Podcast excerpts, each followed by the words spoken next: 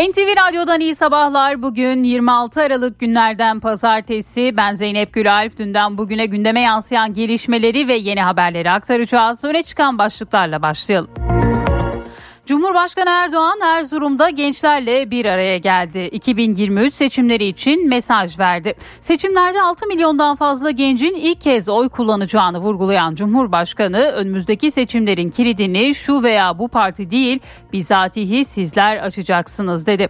Altılı masaya yönelik eleştirilerini de e, yönelten Cumhurbaşkanı son bir haftada yaşananlar bile altılı masanın organik değil tamamen inorganik yani naylon tamamen proje mahsulü bir yapı olduğunu göstermiştir diye konuştu.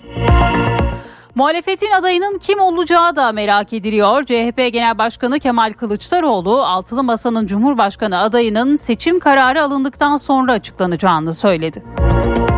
Çalışma ve Sosyal Güvenlik Bakanı Vedat Bilgin emeklilikte yaşa takılanlar düzenlemesinde yaş aralığının ihtimal dahilinde olduğunu ve henüz netlik kazanmadığını açıkladı. Bakan Bilgin, Ocak ayına varmadan EYT'yi masadan kaldırırız, önümüzdeki hafta meclise gitmiş olur dedi.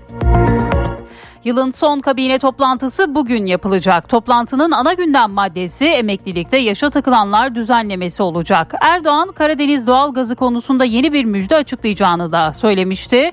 Gözler bir yandan da Cumhurbaşkanı'nın bu konuda yapacağı açıklamada olacak. Fransa'nın başkenti Paris'te 3 kişinin hayatını kaybettiği silahlı saldırının ardından düzenlenen sokak gösterilerinde çok sayıda bina ve araca zarar verildi. Gösterilere katılanlar arasında PKK yandaşlarının da olduğu görüldü. O görüntüler üzerine Ankara'dan Fransa'ya uyarı niteliğinde mesajlar geldi. Cumhurbaşkanlığı Sözcüsü İbrahim Kalın, PKK'lı teröristlerin Paris sokaklarını ateşe verdiğini belirtip Fransa'ya hala sessiz mi kalacaksınız sorusunu yöneltti. AK Parti Sözcüsü Ömer Çelik ise Fransa'ya terörü ülkenizde himaye etmeyin çağrısında bulundu. Paris'te 3 kişiyi öldürüp 3 kişiyi de yaralayan 69 yaşındaki William adlı saldırgan yeniden gözaltına alındı. Saldırgan sağlık durumu gerekçe gösterilerek emniyet bünyesindeki psikiyatri kliniğine nakledilmişti. Ukrayna lideri Zelenski Rus güçlerinin yılbaşından önce yeni saldırılar düzenleyebileceğini savundu. Ukraynalıları hava saldırılarına karşı dikkatli olmaları yönünde uyardı. Zafer için mücadeleyi sürdüreceklerini belirten Zelenski her senaryoya hazır olmalıyız dedi. Avusturya'da bir kayak merkezinde yaklaşık 2700 metre yükseklikte çığ düştü. Çığ altında bir yaralı bir kişi yaralı olarak çıkartıldı. Kayıp 9 kişiye ulaşmak için arama kurtarma çalışmaları sürüyor. Amerika'da ise kar fırtınası 26 can aldı. Ülkenin neredeyse tamamını etkisi altına alan kar fırtınasına karşı alarma geçildi. Kar yağışının etkin olduğu yerlerde acil durum ilan edildi ve sürüş yasağı getirildi.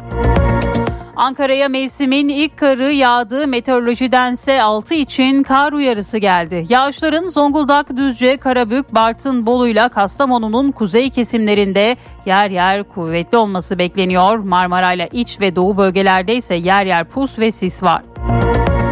Bilim insanları alkol kaynaklı olmayan karaciğer yağlanmasının beyin üzerindeki etkilerini inceledi. Araştırma sonucunda karaciğerdeki yağlanmanın beyinde oksijen miktarını düşürdüğü, bunun da hücrelerde iltihabı artırarak beyne zarar verdiği saptandı.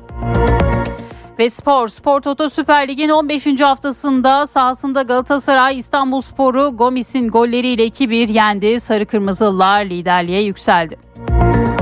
Beşiktaş ise deplasmanda Gaziantep'le karşı karşıya geldi. Ev sahibi ekip Figueiredo'nun golüyle 71. dakikada 1-0 öne geçerken Vehors 86. dakikada attığı golle beraberliği sağladı. Gündemi özetledik, devam ediyoruz.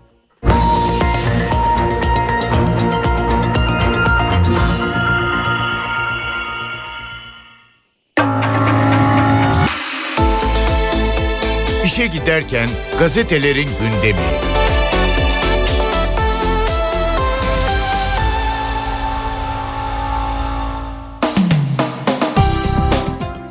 Sabahla başlıyoruz. Beslediği yılan Avrupa'yı sokuyor manşetini görüyoruz Sabah gazetesinde bugün. Türkiye'nin terörle mücadelesini görmezden gelen ve her fırsatta teröre destek olan Avrupa, şimdi şehirleri savaş alanına çeviren PKK-YPG'nin şiddetiyle sarsılıyor.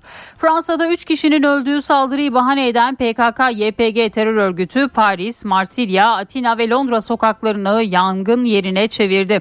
Paris'te sokaklarda barikatlar kuran araçları araçları ters çevirip ateşe veren PKK yandaşları otobüs duraklarını yıktı diyor bugün Sabah gazetesi. Gençler vizyonsuz altılıya geçit vermez bir diğer başlık. Cumhurbaşkanı Erdoğan milletimiz ya bu vizyonsuzlara mahkum olacak ya da bizimle devasa projeleri hayata geçirmeye devam edecek diyor. Son bir haftada yaşananlar bile altılı masanın tamamen inorganik yani naylon proje mahsulü bir yapı olduğunu göstermiştir. Her türlü fitnenin, fesadın, entrikanın kol gezdiği bu garip birliktelikten ülkeye hiçbir hayır gelmeyeceği anlaşıldı diyor Cumhurbaşkanı.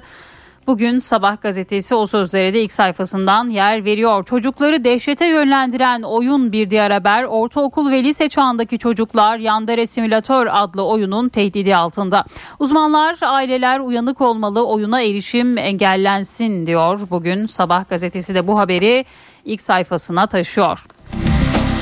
Hürriyet'in manşetinde paket paket kandırdılar başlığını görüyoruz. Sahte arkadaşlık siteleri üzerinden onlarca kişiyi dolandıran Alo Randevu çetesi çökertildi. Çete üyeleri elit aşk, hayalimdeki aşk gibi paketlerle milyonluk vurgun yaptı.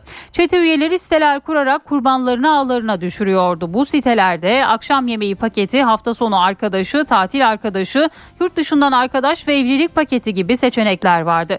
Kimi evlilik vaadine kanıyordu, kimi de tatil veya akşam yemeği paketine. Kurbanlar için özel fotoğraf albümleri hazırlanmıştı. Bugün bu dolandırıcılık haberi de Hürriyet'in manşetinde yer buluyor. EYT'de gözler kabinede Cumhurbaşkanı Erdoğan'ın başkanlığında bugün yapılacak yılın son kabine toplantısında birçok kritik başlık ele alınacak.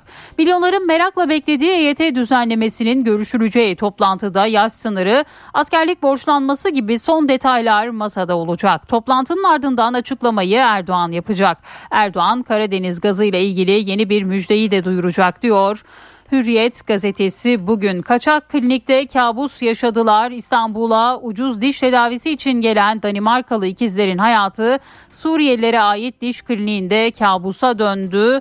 Bugün bu haberde yine e, Hürriyet gazetesinin ilk sayfasında yer buldu. Bir diğer başlıksa tacizde yanlış inanışlar. Cinsel şiddetle mücadele derneği kurucularından Hilal Esmer tecavüz ve tacizde yanlış inanışları anlattı ve uyardı. Cinsel şiddet sadece karanlık izbe yerlerde dışarıda gerçekleşmez. Eşler arasında da cinsel şiddet görülür. Çocuğa yabancı yaklaşınca bağır demek yetmez diyor. Bugün Hilal Esmer'in bu açıklamaları da Hürriyet gazetesinin ilk sayfasında yer buluyor.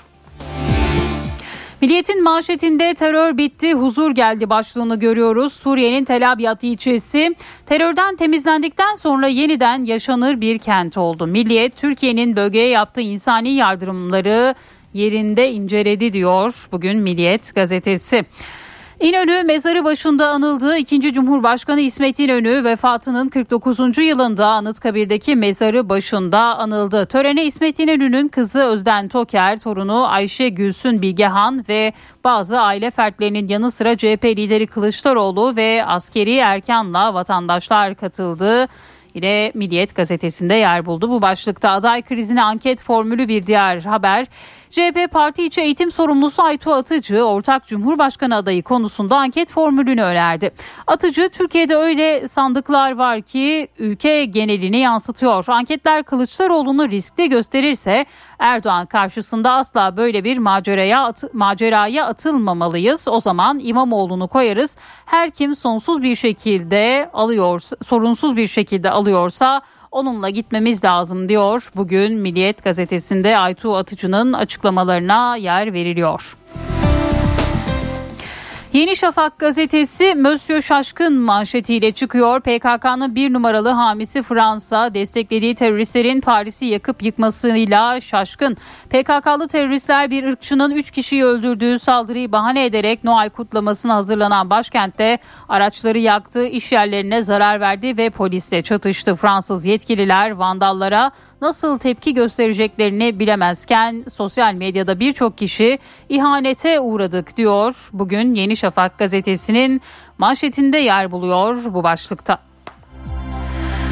Postanın manşetinde ise ikizlerin diş çilesi başlığını görüyoruz. Danimarka'da pahalı olduğu için İstanbul'a diş tedavisine gelen ikizlerin hayatı kabusa döndü. Suriyelilere ait kaçak bir klinikte tedavi gören kardeşlerin çene yapısı bozuldu. Dişleri eksildi ve konuşamaz hale geldiler deniliyor bugün. Postanın manşetinde yer buluyor. Bu haberde kaçak avcıları drone avladılar. Bir diğer haber Doğa Koruma ve Milli Parklar Genel Müdürlüğü ekipleri Erzurum İspir'de dronlarla tespit edilen iki kaçak avcıya 9.824'er lira para cezası kesti. Ağrı'nın Tutak ilçesinde projektörle av yapan 6 kişiye ise 28.651 lira para cezası kesildi deniliyor postada bugün.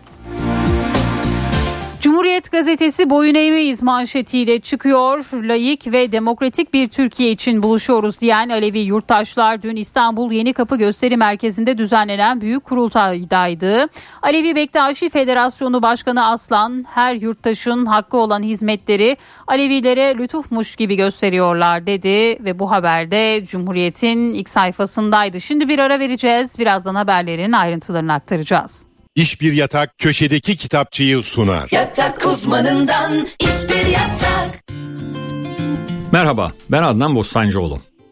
İletişim Yayınları 2021 yılında Nobel Edebiyat Ödülünü kazanan Abdülrazak Gurnah'ın Cennet isimli romanını yayımladı.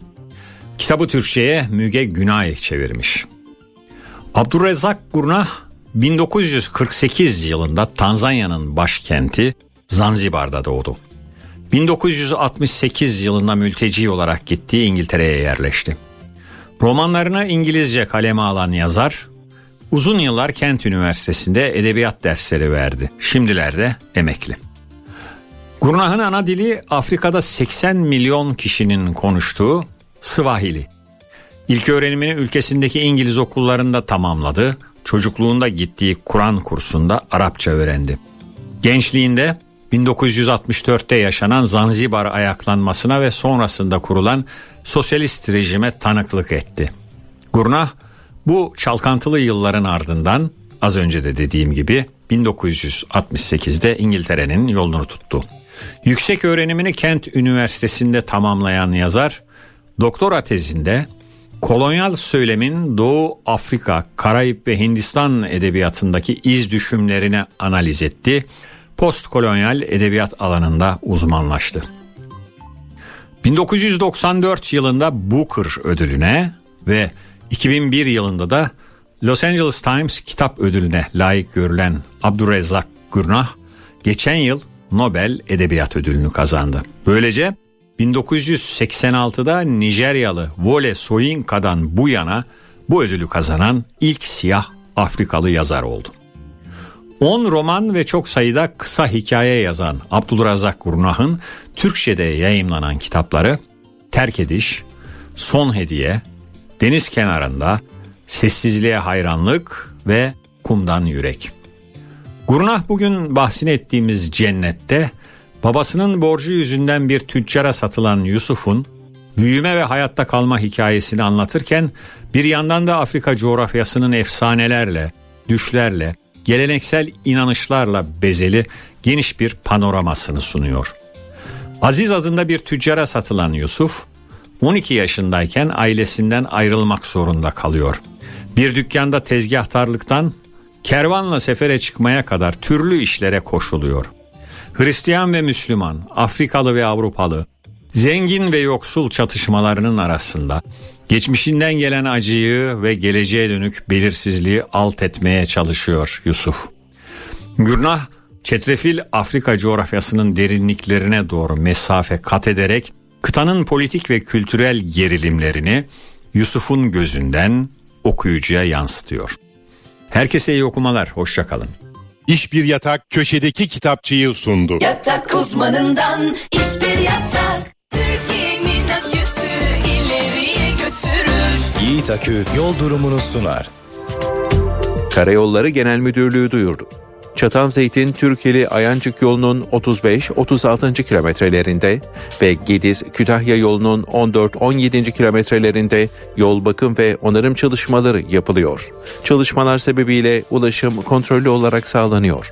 Bu nedenle sürücüler dikkatli seyretmeli. Yiğit Akü yol durumunu sundu. Daha sürdürülebilir bir çatı ve daha iyi bir dünya için Bras Çatı Sistemleri sunar. Doğa konuşmaları.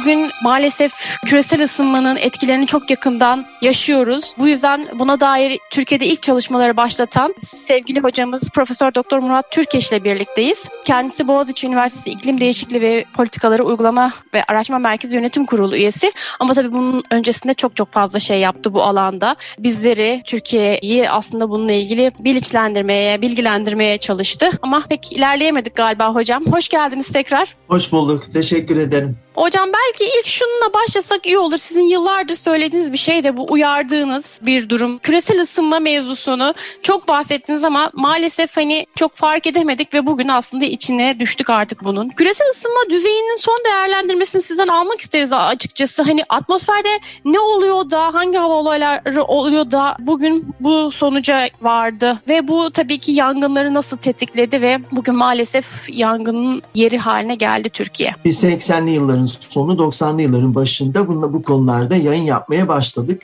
Birer cümleyle o zaman iklim değişikliği, kuraklık, çölleşme sadece sanki çok ilginç bir şekilde meteoroloji, ulusal meteoroloji kuruluşlarının ilgi alanına giren işte e, onların göreviymiş gibi düşünülen konulardı. E, hatta kamuoyunda ve akademide de bir yakınlık yoktu bu konuya. İşte yurt dışından gelen birkaç akademisyen ilgileniyordu. Ama biz o zaman daha 90'ların başında açıkça ilk çalışmalarımızda insan kaynaklı iklim değişikliği, başka bir deyişle insanın iklim sistemi üzerindeki olumsuz etkisi, iklim sisteminin değişmesi, iklim değişikliği ve iklim değişikliğinin en önemli sonuçlarından olan bizim en kolay algıladığımız küresel ısınma konusunda çok uyarılarımız oldu, çok çalışmalarımız oldu. Meteoroloji Genel Müdürlüğü'ndeki ilk değerli toplu çalışmamızda daha 1992 yılında yayınlandı düşünün. Yani Rio öncesinde.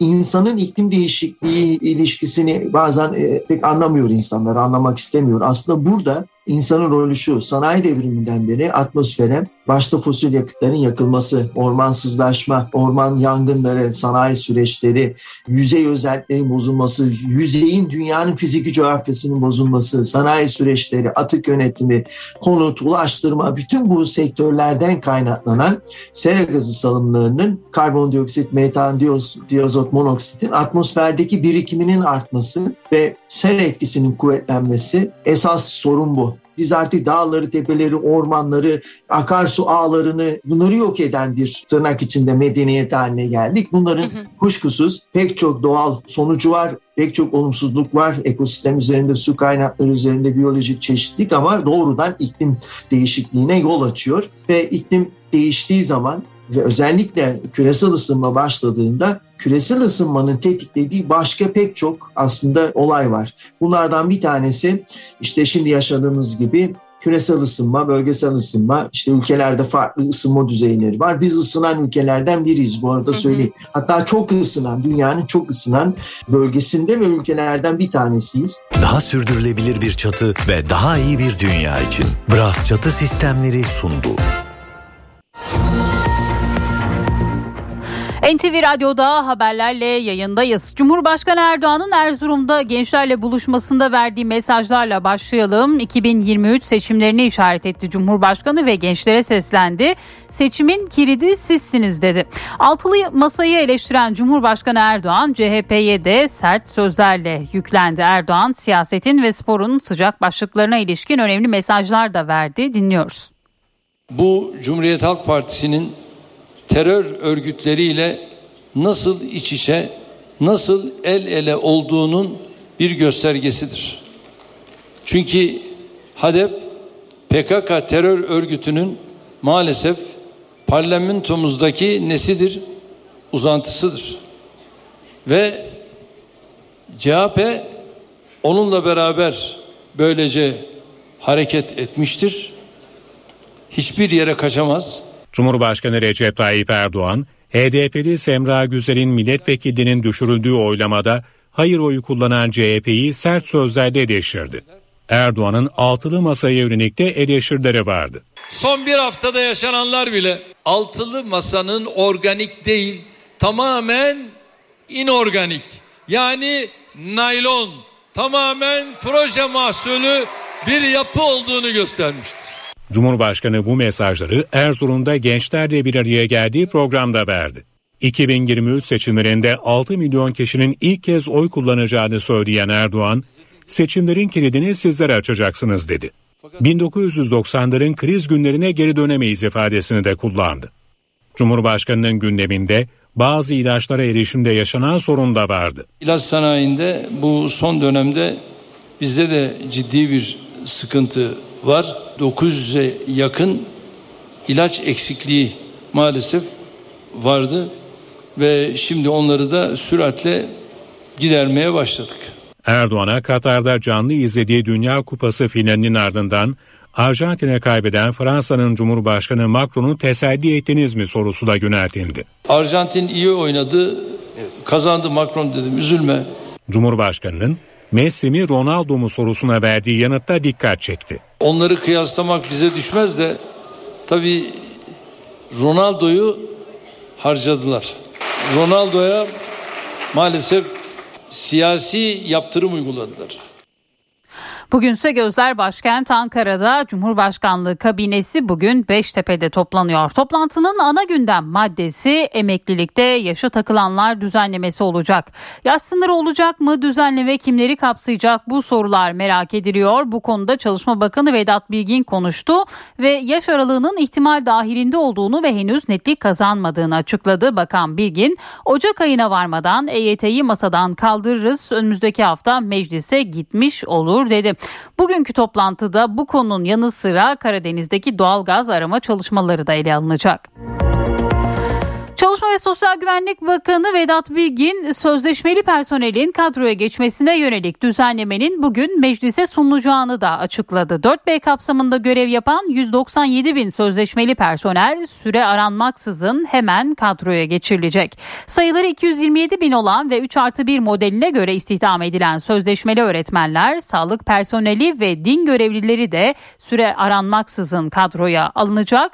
Bu kapsamda olan sözleşmeli personelin kadroya geçirilmesi isteğe bağlı olacak. Kadroya geçmek istemeyenlerin hakları görevleri sona erene kadar korunacak. 4 yıldan az hizmeti bulunanlar bu süreyi doldurduktan sonra kurum içi veya kurumlar arası naklini yaptırabilecek.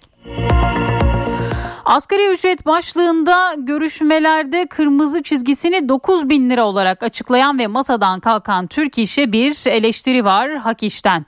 Hak İş Genel Başkanı Mahmut Aslan, Türk İş masadan kalkmasaydı rakam belki de daha yüksek olabilirdi diye konuştu. Arslan masadan kalkmanın bu rakamlar olursa kabul ederiz demenin bizim açımızdan kabul edilir bir tarafı yok ifadesini kullandı. Mahmut Arslan, işçi heyetinin kalkmasıyla masada hükümet ve işverenin baş başa kaldığını belirtti bu durumun işçilerin aleyhine olduğunu söyledi. Emekliler de zam istiyor. Türkiye Emekliler Derneği Genel Başkanı Kazım Ergün emekli aylıklarına asgari ücretteki artış oranında zam yapılması gerektiğini söyledi. Ergün milyonlarca emekli en düşük emekli aylığı olan 3500 lira alıyor. Milyonlarca emekli asgari ücret rakamının yaklaşık yarısına ile bir ay geçinmek durumunda kalıyor ifadesini kullandı. Emekli aylıklarına asgari ücrete yapılan oranda bir zam yapılması gerektiğini belirtti ve 2000 yılından sonra emekli olanların aylıklarını yükseltecek bir intibak düzenlemesi de hayata geçirilmeli diye konuştu.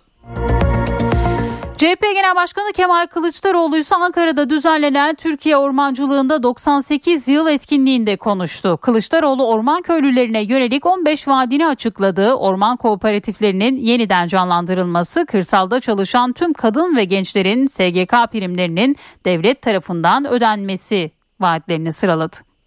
hiç endişe etmeyin. Bay Kemal her zaman sizin yanınızda olacak. Hiçbir güç engellemeyecek. Hiçbir güç. Yaklaşık 2000 civarında orman kooperatifleri yeniden canlandırılacak. Orman Genel Müdürlüğü tarafından yapılan dikili ağaç satışı ihale yöntemi orman köyü sınırları içerisinde asla uygulanmayacak. Kooperatifler aracılığıyla orman köyünde bulunan her haneye yakacak ve yapacak odunlar ücretsiz olarak sağlanacaktır. Orman köyü olsun olmasın. Bütün kırsalda çalışan kadınların ve gençlerin tümünün sosyal güvenlik primleri devlet tarafından ödenecektir. Hiçbir genç ve hiçbir kadın büyük kentlerin varoşlarına gidip acaba asgari ücrette iş bulabilirim arayışına girmeyecektir. Köyünde, kırsalında çalışacak, üretecek, kazanacak. Onun sosyal güvenlik primi devlet tarafından ödenecektir. İyi Parti Genel Başkanı Meral Akşener ise partisinin kadın vizyonunu anlattı. İktidara gelmeleri durumunda atacakları adımları da açıkladı. O sene bu sene İyi Parti iktidarına çok az kaldı. Türk kadınlarıyla Cumhuriyetimizin yeni asrında tarih yazmaya geliyoruz. 6 yaşındaki çocuklarımızı bu ahlaksız taarruzdan koruyamıyorlar. Maalesef Türkiye'de kadınlar öldürülmeye devam ediyor. Şiddete razı edilmeye alışmayacağız. Her bir kadının özgür olduğu, korkmadığı bir Türkiye'ye alışacaklar. NTV Radyo Geçelim dış gündeme Paris'te 3 kişiyi öldürüp 3 kişiyi de yaralayan 69 yaşındaki William adlı saldırgan yeniden gözaltına alındı. Saldırgan akşam saatlerinde sağlık durumu gerekçe gösterilerek Paris Emniyet Müdürlüğü Psikiyatri Kliniğine nakledilmişti. Ayrıntılar NTV Strasbourg temsilcisi Kayhan Karaca'da. Saldırgan 69 yaşındaki William M adlı saldırgan e, yeniden gözaltı e, statüsüne yerleştirildi. Neden yeniden e, bu statüye yerleştirildi? Yeniden gözaltında onu Paris savcılığı açıklamış değil ama dün sağlık nedenlerinden ötürü Paris Emniyet Müdürlüğü psikiyatri kliniğine nakledilmişti. E, şimdi Paris e, Cumhuriyet Savcılığı gün içinde başka bir açıklama daha yaptı. O da e, bu saldırganın ilk ifadesinde söylediklerine ilişkin çarpıcı e, ayrıntılar var ki bunların başında bu e, saldırganın kendisini depresif ve intihara eğilimli bir şahıs olarak tanımladığı yönünde kendisini böyle tanımlıyor. Çevresindekiler, kendisini tanıyanlar, ailesi özellikle televizyonlara da konuşan babası oğlunu bir çılgın olarak tanımladı. Bunun da altını çizeyim. Çevresindekiler de kendisini depresif bir e, şahsiyet, bir şahıs olarak tanımak, tanımlamaktalar. E, bu kişi e, Cuma günü eyleme geçmeden önce neler yaptığını da anlatmış polise ve niyetini de söylemiş. Buna göre ilk olarak e, Paris'in kuzeyindeki Saint-Denis adlı bir e, banyoya gidiyor. Orası yabancıların yoğun olarak yaşadığı bir yer ki bu şahıs ilk sorgusunda yabancılara kolan yabancılara yönelik nefretinden söz ediyor. Özellikle 2016 yılında evi soyulduktan sonra göçmen ve Avrupalı olmayan yabancıları öldürme e, isteğiyle, arzusuyla dolu olduğunu söylüyor. Ve bunu da Cuma günü harekete geçerek e, gerçekleştirmek istediğini söylüyor. Kullandığı silah Colt marka bir e, yarı otomatik e, tabanca. Yanında dört tane de şarjörü vardı. Bu dört şarjörü de boşaltmak istediğini söylüyor. O Sendoni'deki eylemi gerçekleştiremiyor. Neden? Çünkü gittiği yerde yeterince yabancı görmediğini söylemiş e, kendisini sorgulayan adli makamlara. Ardından Paris'e dönüyor. Paris'te o eylemi gerçekleştirdiği Ahmet Kaya Kültür Merkezi'nin de bulunduğu sokağa geliyor. İşte orada o merkez karşısındaki berber ve bir restoranda yaylım ateşine giriyor. O berbere girdiğinde e, ateş ediyor. E, birisini bir kişi yaralıyor ama berberdekiler kendisini kontrol altına alabiliyorlar. Hatta etkisiz hale getiriyorlar ve sonradan da polise e, teslim ediyorlar. Onun hepsini e, biliyoruz. Bu kişinin evinde arama yapıldı. Dün evinde yapılan aramada e, telefonun e, cep telefonunda yapılan e, incelemede, bilgisayarında yapılan in, incelemede herhangi bir e, ideolojiye veya örgüte bağlı olduğuna dair hiçbir bulguya rastlanmadığını da e, bildirdi. Paris Cumhuriyet Savcılığı bunun da altını çizeyim. Öte yandan e, sorgusu şimdi e, ne olacak e, hep beraber göreceğiz. E, eğer her şey normal giderse bu şahıs sorgu hakiminin önüne çıkartılacak. Sorgu hakimi ya geçici tutukluluk kararı verecek ya da yeni psikiyatrik ekspertizler isteyecek. Zira şu anda yeni bir tartışma başlamış durumda. Bu kişinin akli dengesinin ne kadar yerinde olup olmadığı konusunda sabıkalı bir kişiden de bahsediyoruz. 2017 yılında ve geçen yıl e, Aralık ayında e, bir göçmen kampına saldırdığı için bir kılıçla e, sabıka giymiş hatta bir yıl hapis yatmış. Geçtiğimiz 12 Aralık tarihinde de şartlı tahliye edilmiş hatta ve hatta sadece adli kontrol altında değil psikiyatrik kontrol e, altında da olma şartıyla tahliye edilmiş e, bir şahıstan bahsediyoruz. Dolayısıyla sorgu hakimleri şimdi bu e, detayları, bu ayrıntıları unsurları dikkate alarak bir karar vermek zorunda kalacaklar. Yeni ekspertiz, psikiyatrik ekspertiz raporları talep edebilecekleri söyleniyor. Eğer böyle olursa önümüzdeki günlerde, haftalarda bu kişi üzerine bir ya da birkaç e, psikiyatrik ekspertiz e, gerçekleştirilebileceği söyleniyor. Ondan sonra da e, yargı süreci olacak mı olmayacak mı onu hep beraber göreceğiz. Kayhan Karaca Strasbourg'dan aktardı. Fransa'dan Amerika'ya gideceğiz. Şimdi Amerika Birleşik Devletleri Kuzey Kutbu'ndan gelen dondurucu soğukla mücadele ediyor. 50 eyaletin tamamında termometreler sıfırın altına düştü. Binlerce uçuş iptal edildi. 700 bin kişi de elektriksiz. Amerika'daki bu kutup soğuklarını NTV Washington temsilcisi Hüseyin Günay anlatıyor. Amerika Birleşik Devletleri daha önce belki de hiç görmediği kadar soğuk herkesin bu mevsimde tatil için gelmiş olduğu Miami eksi 13 derece. Rüzgarla birlikte eksi 18 hissediliyor. Sıcaklıklar bütün eyaletlerde yani Amerika Birleşik Devletleri 50 eyaletten oluşuyor. Bütün eyaletlerde eksi yani 0 ile eksi 15 arasında şu an Alaska Amerika Birleşik Devletleri'nden daha sıcak. Alaska eksi 5 derece ancak Miami eksi 18 derece böyle bir e, tezat durum var. Yetkililerin insanlardan e, tek bir talebi var evden çıkmayın. E, yüzünüz donabilir, e, yüz felci geçirebilirsiniz. Bu durumlarla karşılaşmak istemiyorsanız evden çıkmayın diyorlar. Tabi bütün eyaletler acil durum ilan etti. Kar kalınlığı çok yüksek. E, soğuk hava var. E, bir de rüzgar saatte 35-40 kilometreyi bulan bir rüzgar var. Bununla birlikte ulaşım bazı yerlerde imkansız. Bu tarihler Amerika Birleşik Devletleri'nde insanların seyahat ettiği tarihler. Ancak son birkaç gündür binlerce uçuş iptal oldu. Yani neredeyse Amerika Birleşik Devletleri hava sahasında uçak yok. Çünkü çok sert türbülanslar yaşanıyor. Uçaklar e, pistlerin donması sonucu gitmek istedikleri yere inemiyorlar. Başka havalimanlarına gitmek zorunda kalıyorlar. Veya çok ciddi soğuklardan dolayı uçakların kalkmaması e, öneriliyor ve binlerce uçuş sadece iç hat uçuşu da değil dış hat uçuşları iptal edildi. E, elektrik problemi yaşanıyor. E, neredeyse 1 milyon kişiye elektrik verilemiyor. Nebraska, e, Omaha gibi yerlerde 3 gündür elektrik yok. Tabi buralar oldukça kırsal bölgeler. Hüseyin Günay Washington'dan aktardı. HDI Sigorta İstanbul'un yol durumunu sunar. HDI Sigorta İstanbul'da puslu bir hava hakim bu saat itibarıyla trafikte yoğunluk %53 seviyelerinde. Her iki köprüde de yoğunluk var. Anadolu yakasında köprüye giderken Beylerbeyi Libadiye bağlantı yolu arasında. Tem'de ise Kavacık İkbal Caddesi arasında sabah yoğunluğu var. Avrasya Tüneli çift taraflı açık. Avrupa yakasına gelindiğinde E5'te Avcılar Küçükçekmece, Tem'de ise Bahçeşehir Altınşehir arasında sabah yoğunluğu var. HDI Sigorta İstanbul'un yol durumunu sundu. Türkiye'nin tadı, Türkiye'nin baharatı Bağdat sunar. Anadolu'nun lezzetleri.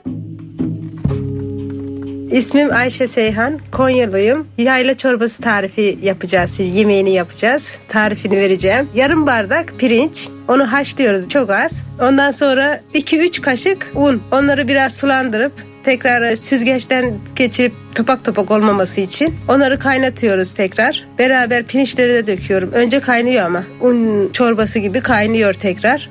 Pirinçleri içine atıyorum. Tekrar beraber kaynıyor. İyice üstünün köpüğü gidene kadar kaynatıyorum onu da. Ondan sonra çok az yumurtanın sarısını koyuyorum ben. Yumurtanın sarısını çırpıp birazcık 2-3 damla limon şeyiyle onları koyuyorum. Birazcık da 2 kaşık da yoğurt çırpıyorum beraber. Yoğurtla birlikte tekrar tencere kaynayan yayla çorbamızın içine döküyoruz. Beraber bir daha karıştırıyoruz. Bir daha 5 dakika daha kaynatıyoruz. Ondan sonra tereyağı ya da sıvı yağ varsa kızgın birazcık kızartıyoruz. İçine nane, üstüne gezdiriyoruz. Buyurun çorbamız hazır. Afiyet olsun. Türkiye'nin tadı, Türkiye'nin baharatı Bağdat sundu. Anadolu'nun lezzetleri. Arvento'nun sunduğu işe giderken devam edecek. Mobile Systems. Mağaza ve ofis zeminlerinin depo ve yürüme yollarının en yeni en etkili boyası Düfa Zemin Boyaları spor haberlerini sunar.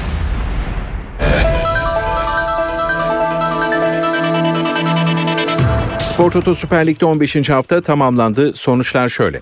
Fraport Antalya Spor 0, Ankara Gücü 2, Hangi Kredi? Ümraniye Spor 1, Medipol Başakşehir 3, Atakaş Hatay Spor 1, Biteksen Giresun Spor 1, Kasımpaşa 1, Demir Grup Sivas Spor 2, Trabzonspor 2, Fenerbahçe 0, Adana Demirspor 2, Babakars Fatih Karagümrük 1, Gaziantep Futbol Kulübü 1, Beşiktaş 1, Arabam.com Konya Spor 2, Korendon Alanya Spor 2 ve Galatasaray 2, İstanbul Spor 1.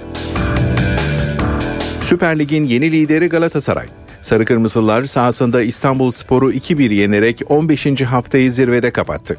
Galatasaray Teknik Direktörü Okan Buruk, İstanbul Spor galibiyeti sonrası lider olmanın sevincini yaşadıklarını söyledi.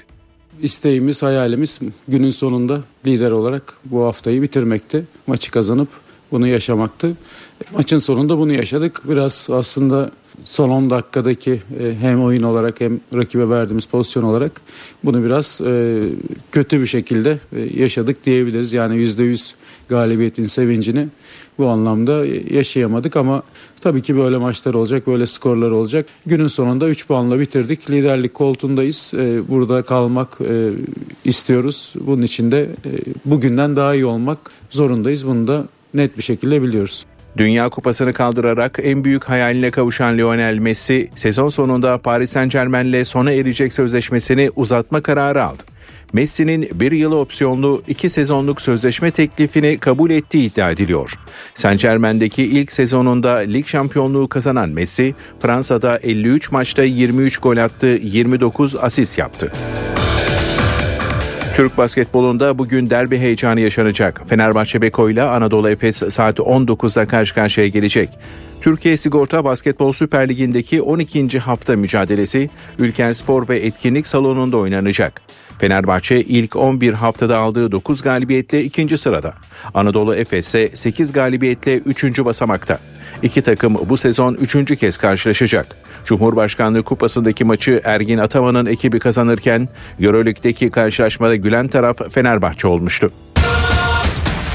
Mağaza ve ofis zeminlerinin depo ve yürüme yollarının en yeni en etkili boyası Düfa Zemin Boyaları spor haberlerini sundu. NTV Radyo'da yeni saati karşılıyoruz. Bu saate kadar gündemde hangi başlıkların öne çıktığına bakalım. Cumhurbaşkanı Erdoğan Erzurum'da gençlerle bir araya geldi. 2023 seçimleri için mesaj verdi. Seçimlerde 6 milyondan fazla gencin ilk kez oy kullanacağını vurgulayan Cumhurbaşkanı, önümüzdeki seçimlerin kilidini şu veya bu parti değil bizatihi sizler açacaksınız dedi. Altılı masaya yönelik eleştirilere de e, eleştirilerde de bulunan Cumhurbaşkanı son bir haftada yaşananlar bile altılı masanın organik değil tamamen inorganik yani naylon tamamen proje mahsulü bir yapı olduğunu göstermiştir diye konuştu. Muhalefetin adayının kim olacağı da merak ediliyor. CHP Genel Başkanı Kemal Kılıçdaroğlu altılı masanın Cumhurbaşkanı adayının seçim kararı alındıktan sonra açıklanacağını söyledi. Çalışma ve Sosyal Güvenlik Bakanı Vedat Bilgin emeklilikte yaşa takılanlar düzenlemesinde yaş aralığının ihtimal dahilinde olduğunu ve henüz netlik kazanmadığını açıkladı. Bakan Bilgin, Ocak ayına varmadan EYT'yi masadan kaldırırız, önümüzdeki hafta meclise gitmiş olur diye konuştu. Yılın son kabine toplantısı bugün yapılacak. Toplantının ana gündem maddesi emeklilikte yaşa takılanlar düzenlemesi olacak. Erdoğan Karadeniz doğalgazı konusunda yeni bir müjde açıklayacağını da söylemişti. Gözler bir yandan da Cumhurbaşkanı'nın bu konuda yapacağı açıklamada olacak. Fransa'nın başkenti Paris'te 3 kişinin hayatını kaybettiği silahlı saldırının ardından düzenlenen sokak gösterilerinde çok sayıda bina ve araca zarar verildi. Gösterilere katılanlar arasında PKK yandaşlarının da olduğu görüldü. O görüntüler üzerine Ankara'dan Fransa'ya uyarı niteliğinde mesajlar gitti. Cumhurbaşkanlığı Sözcüsü İbrahim Kalın PKK'lı teröristlerin Paris sokaklarını ateşe verdiğini belirtip Fransa'ya hala sessiz mi kalacaksınız sorusunu yöneltti. AK Parti Sözcüsü Ömer Çelik ise Fransa'ya terörü ülkenizde de himaye etmeyin çağrısında bulundu. Paris'te 3 kişiyi öldürüp 3 kişiyi de yaralayan 69 yaşındaki William adlı saldırgan yeniden gözaltına alındı. Saldırgan sağlık durumu gerekçe gösterilerek emniyet bünyesindeki psikiyatri kliniğine nakledilmişti. Ukrayna lideri Zelenski, Rus güçlerinin yılbaşından önce yeni saldırılar düzenleyebileceğini savunarak Ukraynalıları hava saldırılarına karşı dikkatli olmaları yönünde uyardı. Zafer için mücadeleyi sürdüreceklerini belirten Zelenski, her senaryoya hazır olmalıyız dedi. Avusturya'da bir kayak merkezinde yaklaşık 2700 metre yükseklikte çığ düştü. Çığ altından bir kişi yaralı olarak çıkartılırken kayıp 9 kişiye ulaşmak için arama kurtarma çalışmaları sürüyor. Amerika'da ise kar fırtınası 26 can aldı. Ülkenin neredeyse tamamını etkisi altına alan kar fırtınasına karşı alarma geçildi. Kar yağışının etkin olduğu yerlerde acil durum ilan edildi ve sürüş yasağı getirildi. Ankara'ya mevsimin ilk karı yağdı. Meteorolojidense 6 il için kar uyarısı geldi. Yağışların Zonguldak, Düzce, Karabük, Bartın, Bolu'yla Kastamonu'nun kuzey kesimlerinde yer yer kuvvetli olması bekleniyor. Marmara'yla iç ve doğu bölgelerde ise yer yer pus ve sis var. Bilim insanları alkol kaynaklı olmayan karaciğer yağlanmasının beyin üzerindeki etkilerini inceledi. Araştırma sonucunda karaciğerdeki yağlanmanın beyinde oksijen miktarını düşürdüğü, bunun da hücrelerde iltihabı artırarak beyne zarar verdiği saptandı. Ve spor, Spor Toto Süper Lig'in 15. haftasında sahasında Galatasaray İstanbul Sporu Gomis'in golleriyle 2-1 yendi. Sarı Kırmızılılar liderliğe yükseldi. Beşiktaş'ta deplasmanda Gaziantep'le karşı karşıya geldi. Ev sahibi ekip Figueiredo'nun golüyle 71. dakikada 1-0 öne geçerken Vehors 86. dakikada attığı golle beraberliği sağladı. Bu sabahın öne çıkan başlıkları böyleydi. Devam edelim. İşe giderken gazetelerin gündemi.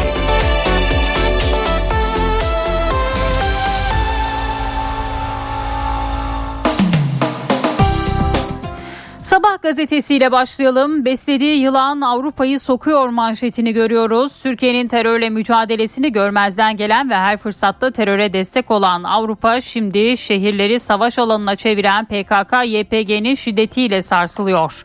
Fransa'da 3 kişinin öldüğü saldırıyı bahane eden PKK-YPG terör örgütü Paris, Marsilya, Atina ve Londra sokaklarını yangın yerine çevirdi.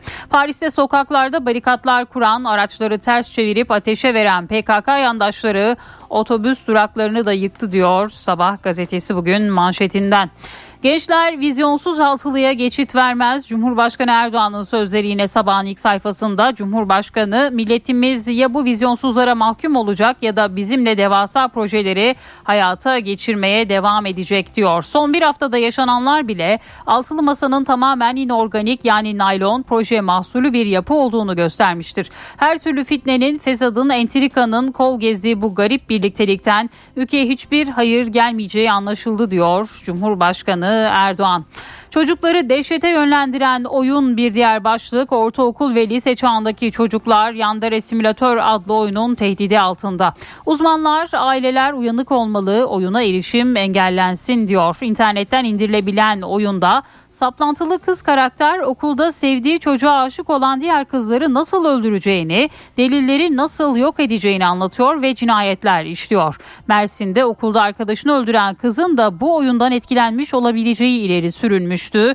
Yine bu haberi de bugün Sabah gazetesi ilk sayfasına taşıdı. Hürriyetle devam edelim. Paket paket kandırdılar manşetini görüyoruz. Sahte arkadaşlık siteleri üzerinden onlarca kişiyi dolandıran Alo Randevu çetesi çökertildi. Çete üyeleri elit aşk, hayalimdeki aşk gibi paketlerle milyonluk vurgun yaptı. Çete üyeleri siteler kurarak kurbanlarını ağlarına düşürüyordu. Bu sitelerde akşam yemeği paketi, hafta sonu arkadaşı, tatil arkadaşı, yurt dışından arkadaş ve evlilik paketi gibi seçenekler vardı. Kim evlilik vaadine kanıyordu, kimi de tatil veya akşam yemeği paketine kurbanlar için özel fotoğraf albümleri hazırlanmıştı diyor Hürriyet bugün manşetinden. EYT'de gözler kabinede bir diğer başlık Cumhurbaşkanı Erdoğan'ın başkanlığında bugün yapılacak yılın son kabine toplantısında birçok kritik başlık ele alınacak. Milyonların merakla beklediği EYT düzenlemesinin görüşüleceği toplantıda yaş sınırı, askerlik borçlanması gibi son detaylar masada olacak. Toplantının ardından açıklamayı Erdoğan yapacak. Erdoğan Karadeniz gazı ile ilgili yeni bir müjdeyi de duyuracak diyor Hürriyet gazetesi. Kaçak klinikte kabus yaşadılar. İstanbul'a ucuz diş tedavisi için gelen Danimarkalı ikizlerin hayatı Suriyelilere ait diş kliniğinde kabusa döndü. Bu haberde bugün hürriyetteydi. Tacizde yanlış inanışlar bir diğer başlık. Cinsel Şiddetle Mücadele Derneği kurucularından Hilal Esmer, tecavüz ve tacizde yanlış inanışları anlattı ve uyardı. Cinsel şiddet sadece karanlık izbe yerlerde dışarıda gerçekleşmez. Eşler arasında da cinsel şiddet görülür. Çocuğa yabancı yaklaşınca bağır demek yetmez diyor ve bu konuda bugün Hürriyet'in ilk sayfasında yer buluyor. Milliyet'in manşetinde terör bitti huzur geldi başlığını görüyoruz. Milliyet Tel Abyad'ı gezdi. Suriye'nin Tel Abyad ilçesi terörden temizlendikten sonra yeniden yaşanır bir kent oldu. Milliyet Türkiye'nin bölgeye yaptığı insani yardımları yerinde inceledi diyor bugün manşetinden. İnönü mezarı başında anıldı. İkinci Cumhurbaşkanı İsmet İnönü vefatının 49. yılında Anıtkabir'deki mezarı başında anıldı. Törene İsmet İnönü'nün kızı Özden Toker, torunu Ayşe Gülsün Bilgehan ve bazı aile fertlerinin yanı sıra CHP lideri Kılıçdaroğlu ve askeri erkanla vatandaşlar da katıldı. Aday krizine anket formülü bir diğer başlık Milliyet'ten CHP Parti içi eğitim sorumlusu Aytuğ Atıcı, ortak Cumhurbaşkanı adayı konusunda anket formülünü önerdi. Atıcı, Türkiye'de öyle sandıklar var ki ülke genelini yansıtıyor. Anketler Kılıçdaroğlu'nu riskli gösterirse Erdoğan karşısında asla böyle bir maceraya atılmamalıyız. O zaman İmamoğlu'nu koyarız. Her kim sorunsuz bir şekilde alıyorsa onunla gitmemiz lazım dedi ve Aytuğ Atıcı'nın bu sözleri de bugün Milliyet'te yer buldu. Patrikhanede Noel ayini bir diğer başlık İstanbul Fatih'teki Fener Rum Ortodoks Patrikhanesi'nde dün Noel ayini düzenlendi. Ayini Fener Rum Patriği Bartolomeos yönetti. Ayayorgi Kilisesi'ne ayin için gelenler kilisenin girişinde mum yakıp dua etti. Ayine Türkiye'de yaşayan Rumların yanı sıra turistler de ilgi gösterdi diyor bugün Milliyet'te. Yeni Şafak'ın manşetinde Mösyö Şaşkın başlığını görüyoruz. PKK yandaşları Paris'i yaktı, yıktı. PKK'nın bir numaralı hamisi Fransa desteklediği teröristlerin Paris'i yakıp yıkmasıyla şaşkın. PKK'lı teröristler bir ırkçının 3 kişiyi öldürdüğü saldırıyı bahane ederek Noel kutlamasına hazırlanan başkentte araçları yaktı, iş yerlerine zarar verdi ve polisle çatıştı. Fransız yetkililer vandallara nasıl tepki göstereceklerini bilemezken sosyal medyada birçok kişi ihanete uğradık dedi ve bu haberde Yeni Şafak'ın manşetindeydi. Amerika donuyor bir diğer başlık. Amerika'da eksi 45'lere ulaşan soğuk ve kar fırtınasıyla hayat durdu. Ülkede 10 bine yakın uçuş iptal edildi. 26 kişi hayatını kaybederken ani düşen sıcaklıkların 100 milyondan fazla insana etkisi altına alacak bir bomba siklonuna da dönüşebileceği tahmin ediliyor deniliyor. Bugün Yeni Şafak gazetesi bu konuyu da ilk sayfasına taşıyor. Posta ile devam ediyoruz. İkizlerin diş çilesi manşetini görüyoruz. Danimarka'da pahalı olduğu için İstanbul'a diş tedavisine gelen ikizlerin hayatı kabusa döndü. Suriyelilere ait kaçak bir klinikte tedavi gören kardeşlerin çene yapısı bozuldu, dişleri eksildi ve konuşamaz hale geldiler. Bir diğer haber Kaçak avcıları drone avladılar. Doğa Koruma ve Milli Parklar Genel Müdürlüğü ekipleri Erzurum İspir'de drone tespit edilen iki kaçak avcıya 9824'er lira ceza kesti. Ağrı'nın Tutak ilçesinde projektörle av yapan 6 kişiye ise 28651 lira para cezası kesildi.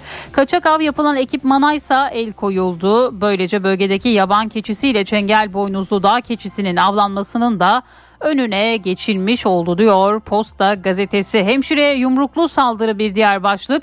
İstanbul Sancaktepe Şehit Profesör Doktor İlhan Varank Eğitim Araştırma Hastanesi'nde acil servis hemşiresi olarak çalışan İbrahim Uğurlu'yla hasta yakını YS arasında sedyenin başının kaldırılması tartışması yaşandı.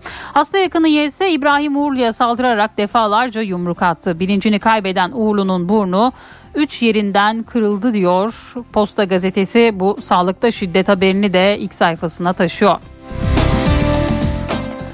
Cumhuriyetle devam ediyoruz. Cumhuriyet gazetesi boyun eğmeyiz başlıklı haberi ilk sayfasına taşıyor. Layık ve demokratik bir Türkiye için buluşuyoruz diyen Alevi yurttaşlar Dün İstanbul Yeni Kapı Gösteri Merkezi'nde düzenlenen büyük kurultaydaydı. Alevi Bektaşi Federasyonu Başkanı Aslan her yurttaşın hakkı olan hizmetleri Alevilere lütufmuş gibi görüyorlar dedi. Bugün Cumhuriyet gazetesinin ilk sayfasında.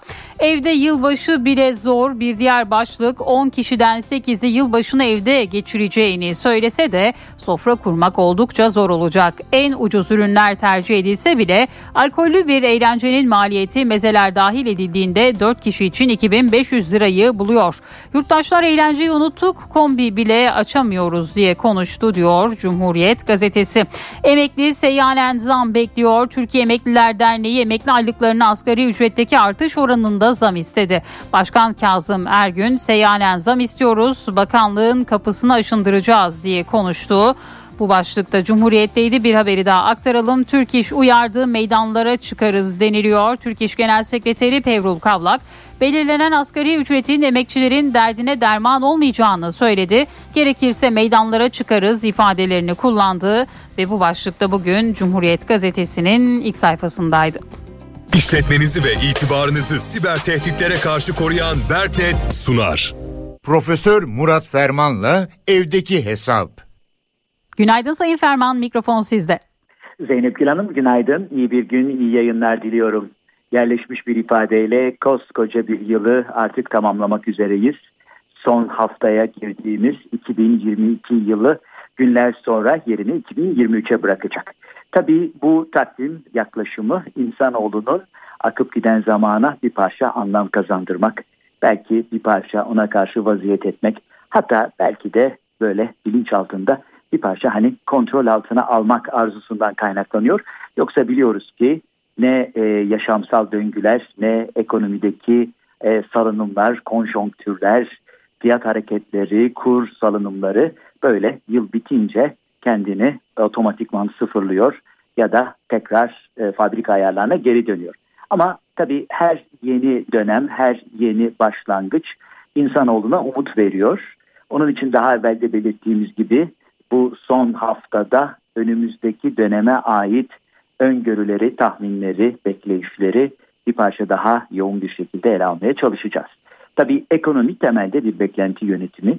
Onun için isterseniz ilk önce dünyada ve Türkiye'de insanlar nasıl bir beklenti içindeler onunla ilgili tespitlere bakalım. Hal böyle olunca birkaç araştırma var ama en kapsamlı ve geçen seneye göre de karşılaştırma yapabileceğimiz bir çalışma olarak Ipsos Global Advisor'ın e, dünyada 36 ülke insanlarına, vatandaşlarına sordukları yeni yıl beklentisi e, araştırmasının sonuçlarına bir göz atalım. Evet, ilk önce 2022 nasıl geçti diye bakalım. 2022 ülkem için kötü bir sene bir ifadesine ne derece katılıp katılmadığının belirtildiği veya sorulduğu bir atmosferde e, katılıyorum diyenlerin oranı yüzde 73. Benim deyimimle iki arada bir derede geçen 2022'yi neredeyse 36 ülkede insanların dörtte üçü kötü bir sene olarak düşünüyorlar. Bu çerçevede Türkiye'de dünya ortalaması yüzde 73'e göre Türkiye'nin e, 2022'de daha kötü bir yıl geçirdiğini düşünenler ortalamadan fazla. %83 oranında bu e, Türkiye'den cevap verenler 2022'nin Türkiye için daha kötü bir yıl olduğunu düşünüyorlar. Peki 2023 yılı için genel olarak beklentiler ne yönde? 2023 senesinin 2022 senesinden daha iyi olacağına inananlar yani iyimserlik dozu yüksekler dünyada yüzde 65. Evet insan ümit ettikçe yaşıyor. Bu yüzde 65 olarak bak, e, ortaya çıkan genel ortalama e, Türkiye'de yüzde 54 e, düzeyinde.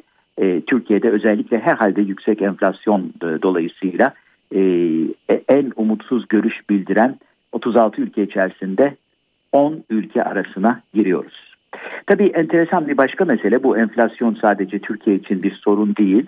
Ee, ülkemdeki fiyatlar kişilerin gelirlerinden daha fazla artacak ifadesine katılım oranı neredeyse yüzde seksen dünyada.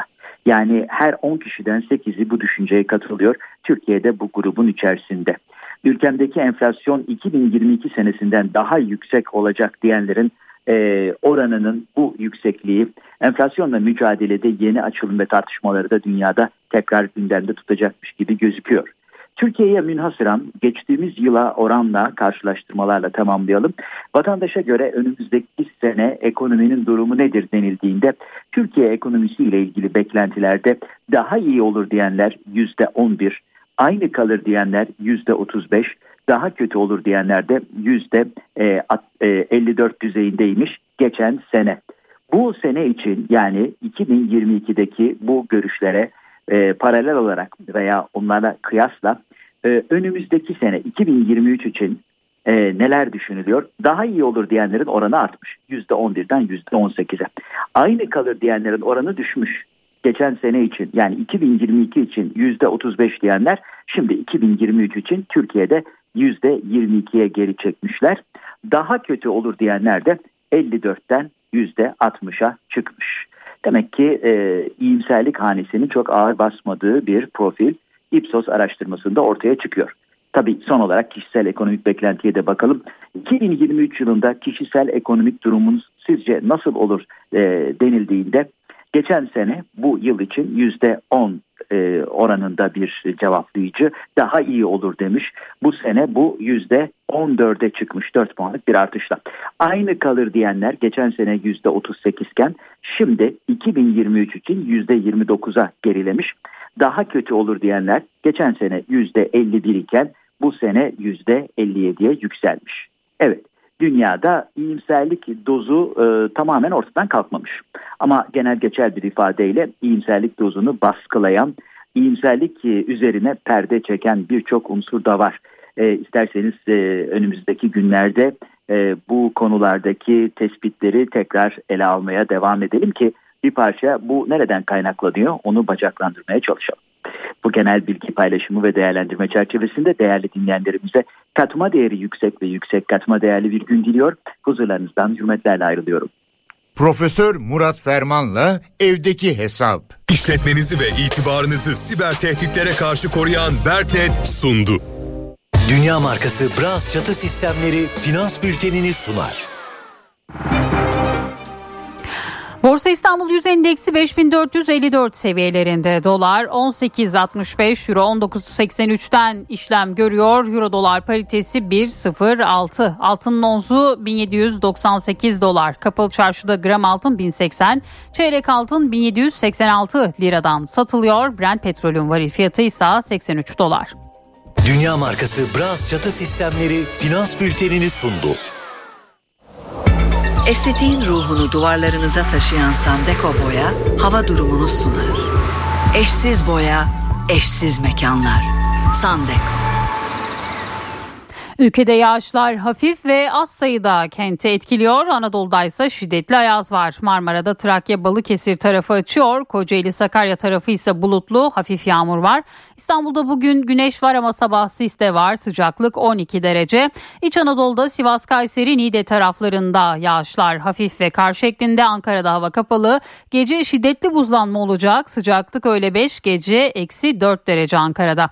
Ege güneşli ancak rüzgar kuzeyden sert ve soğuk soğuk esiyor. İzmir'de güneş var 16 derece. Akdeniz'de Adana bölümü kapalı rüzgar soğuk esiyor. Toroslara kar yağıyor. Güneydoğu'da Gaziantep, Şanlıurfa, Adıyaman tarafında sağanaklar var. Karadeniz'de ise Bolu, Kastamonu, Tokat, Gümüşhane ve Doğu Karadeniz yaylalarında kar yağışı var. Doğu Anadolu'da ise kuvvetli don sürüyor. Estetiğin ruhunu duvarlarınıza taşıyan Sandeko Boya hava durumunu sundu. Eşsiz boya, eşsiz mekanlar. Sandeko. Araya gidelim birazdan yine burada olacağız. İş bir yatak köşedeki kitapçıyı sunar. Yatak uzmanından iş bir yatak. Merhaba ben Adnan Bostancıoğlu. İngiliz tarihçi Ian Kershaw'ın İkinci Dünya Savaşı'na farklı bir bakış getirmeye çalıştığı Dünyayı Değiştiren Kararlar isimli kitabı Kronik'ten çıktı. Kitabı Türkçe'ye Zeynep Demir çevirmiş. İkinci Dünya Savaşı'nda çarpışan altı büyük devletin hangileri bunlar? Almanya, İngiltere, Amerika Birleşik Devletleri, Sovyetler Birliği, İtalya ve Japonya.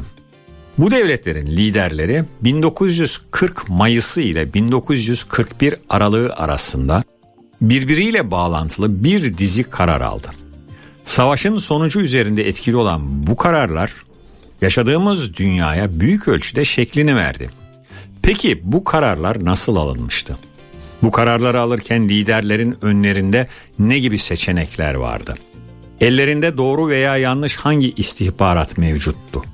Liderlerin karakterleri ve lider haricindeki faktörler alınan kararları nasıl etkiledi? İşte Kershaw bu sorulardan yola çıkarak İkinci Dünya Savaşı üzerine spekülatif akıl yürütmelerde bulunuyor.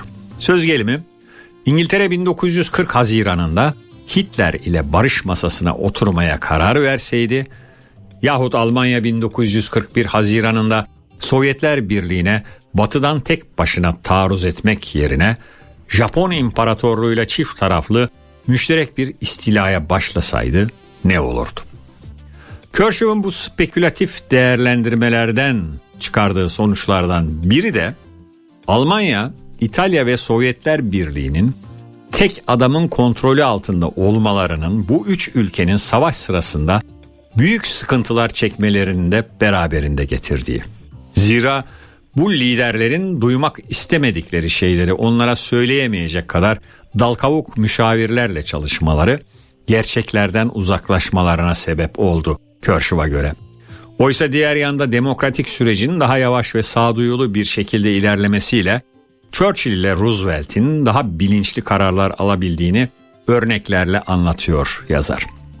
Dediğim gibi biraz spekülatif olsa da tarihe yeni ve farklı bir gözle bakmaktan hoşlananlar için hem bilgilendirici hem de merak uyandırıcı bir kitap. Dünyayı değiştiren kararlar.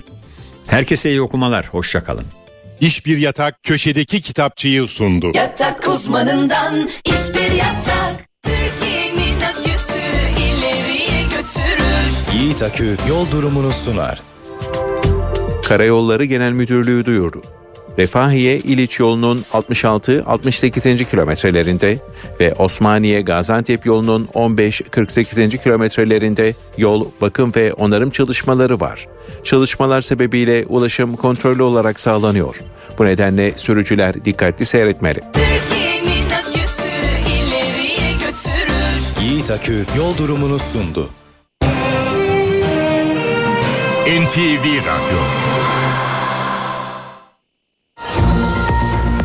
Saat 8.30 oldu. NTV Radyo'da haberleri aktarmaya devam ediyoruz. 2022'nin son haftasına başladık. Bugün de başkentte bu yılın son kabine toplantısı yapılacak. Ana gündem EYT çünkü hala yaş konusu netlik kazanmadı.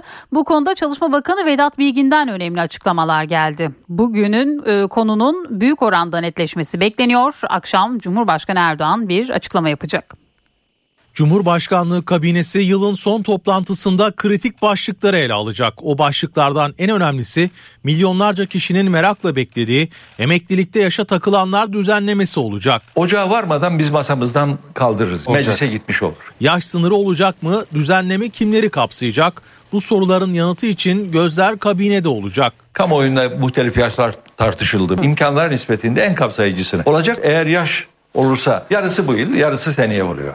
Toplantıda ayrıca Karadeniz'de doğalgaz arama çalışmaları da ele alınacak. Karadeniz'de keşfedilen 540 milyar metreküplük gazın 2023'ün ilk çeyreğinde kullanıma sunulması hedefleniyor. Cumhurbaşkanı Erdoğan Karadeniz gazı için yaptığı müjdeler paylaşacağız açıklaması yeni keşif mesajı olarak yorumlandı. 2022'nin son kabine toplantısında ekonomideki gelişmeler de değerlendirilecek.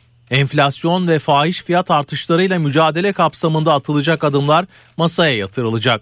Terörle mücadele operasyonları, Rusya-Ukrayna savaşı ve bölgesel konular da ele alınacak. Bir taraftan gündemde seçim de var. Cumhurbaşkanı Erzurum'da gençlerle bir araya geldi ve 2023 seçimleri için mesaj verdi.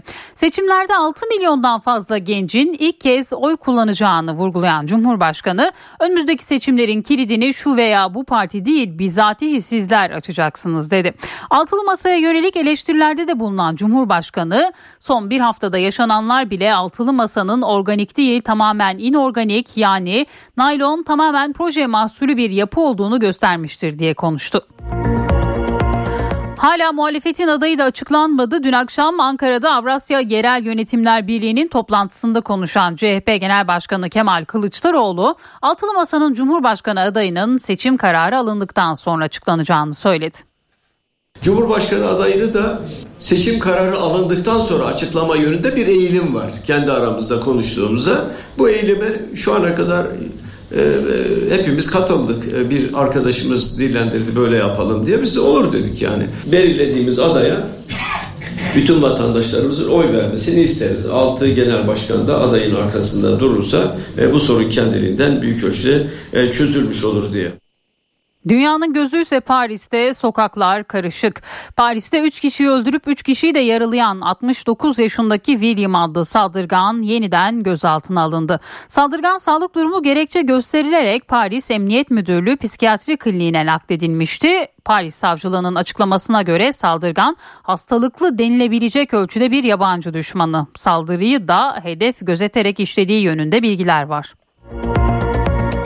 Ankara'dansa Fransa'ya uyarı niteliğinde mesajlar var. AK Parti sözcüsü Ömer Çelik yaşananların terör örgütleri konusunda çifte standardın bir sonucu olduğunu söyledi. Cumhurbaşkanlığı sözcüsü İbrahim Kalın da Fransa'daki PKK Suriye'de desteklediğiniz terör örgütünün aynısı ifadesini kullandı. Teröristlerin orada yakıp yıkmasını, oradaki kamu düzenine, Fransız polisine saldırmasını kınıyoruz. Terör konusundaki çifte standardın ne gibi sonuçlara yol açacağını göstermesi bakımından bu son derece önemli. Cumhurbaşkanımız defalarca yaptığı açıklamalarda bu terör örgütlerini besleyenlerin eninde sonunda bu terör örgütlerinin saldırılarıyla yüzleşeceğini ifade etti. AK Parti sözcüsü Ömer Çelik, Paris'te terör örgütü PKK destekçilerinin katıldığı şiddet olaylarını bu sözlerle değerlendirdi. Çelik, Fransız yetkililere terörü himaye ve finanse etmeyi bırakın çağrısı yaptı. Gelinen noktada PKK terör örgütü yanlarının nasıl ortalığı yakıp yıktığı, Fransa'da nelere e, sebebiyet verdiği ortaya çıktı. Aslında PKK'nın yaptığı bu faaliyetlerin Kürtlere ne kadar büyük bir zarar verdiği bu son örnekte de ortaya çıktı. Çelik Fransız medyasının yaptığı haberlerde PKK'nın Kürtlerin temsilcisi gibi gösterilmesine de tepki gösterdi. Bütün Kürtleri izah eden, bütün Kürtleri hedef gösteren bir tablo ortaya çıkıyor. Buna da müsaade edilmemesi lazım. Cumhurbaşkanlığı Sözcüsü İbrahim Kalın da Twitter hesabından protestolar sırasında kaydedilen bir görüntüyü paylaştı. Kalın, PKK'nın son 40 yılda binlerce kişiyi katlettiğini belirtti. Paris yönetimine seslenen Cumhurbaşkanlığı Sözcüsü, şimdi de Paris sokaklarını yakıyorlar. Hala sessiz mi kalacaksınız ifadesini kullandı. Sınır birliklerini denetleyen Milli Savunma Bakanı Hulusi Akar da konuyu değerlendirdi. Bakan, Fransızların beslediği yılan kendilerini sokmaya başladı. Herkes artık bu terör örgütünün gerçek yüzünü görmelidir dedi. NTV Radyo Sivil toplum kuruluşlarınca düzenlenen Büyük Alevi Kurultayı İstanbul Yeni Kapı'da yapıldı. Layık ve demokratik Türkiye için sloganıyla düzenlenen etkinlikte Aleviler taleplerini dile getirdi.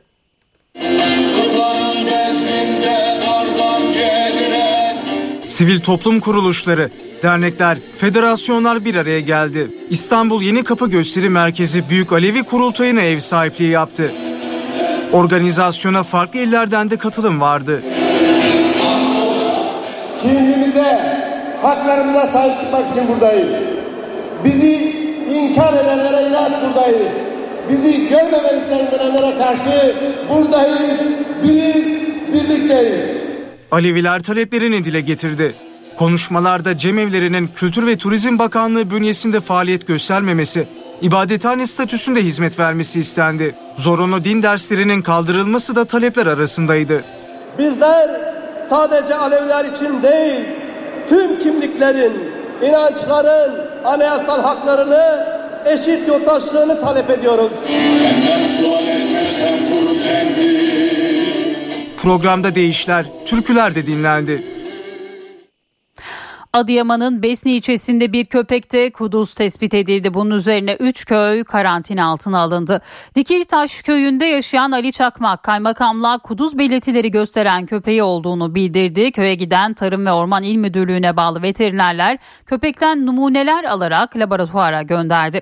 Yapılan testlerde köpeğin kuduz olduğu tespit edildi. Köpek itlaf edildi. Dikilitaş, Yeniköy ve Zor Mağara köyleri 6 ay süreyle karantina altına alındı. Ayrıca pazartesi günü itibariyle itibarıyla bölgedeki tüm kedi ve köpekler de aşılanacak.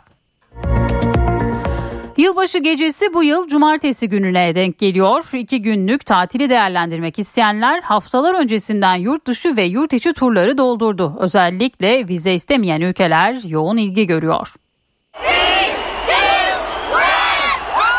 Yılbaşı için tatil planı yapanlar rotasını vize istemeyen ülkelere çevirdi.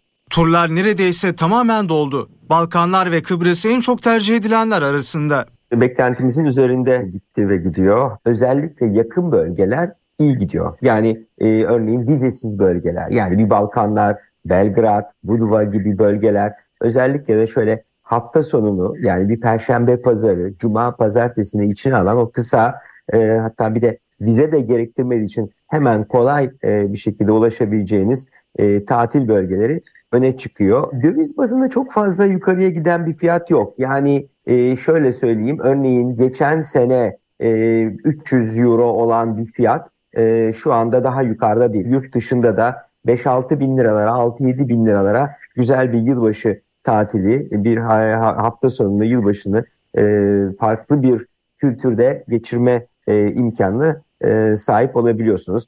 Sadece yurt dışı değil Yılbaşı tatili için yurt içi turlara da talep var.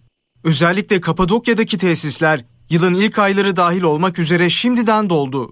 Yurt içi her zaman için esasında tabii çok yoğun talep görüyor. Yılbaşı için e, diyebilirim ki işte başta böyle Kapadokya gibi hatta GAP, e, o Doğu Ekspresi gibi bölgeler, o Çıldır Gölü yani bizim e, doğu tarafımızın da olduğu kültür bölgelerinin yanında tabii ki Antalya çok ciddi bir şekilde talep alıyor. E, bazı e, otellerde, tesislerde sanatçılığı yani akşam gece programlı e, oteller, tesisler var. Onlar da e, ciddi bir talep alıyor. NTV Radyo HDI Sigorta İstanbul'un yol durumunu sunar. HDI Sigorta İstanbul'da puslu bir hava var. Bu saat itibariyle trafikte yoğunluk %58 seviyelerinde. Her iki köprüde de yoğunluk var. Anadolu yakasında köprüye giderken Beylerbeyi Libadiye bağlantı yolu arasında Tem'de ise Kavacık İkbal Caddesi arasında bir trafik yoğunluğu gözleniyor. Avrasya Tüneli çift taraflı açık Avrupa yakasına gelindiğinde E5'te Saadetlere Florya, Tem'de ise Esenyurt Altınşehir arasında sabah yoğunluğu var. HDI Sigorta İstanbul'un yol durumunu sundu. HDI Sigorta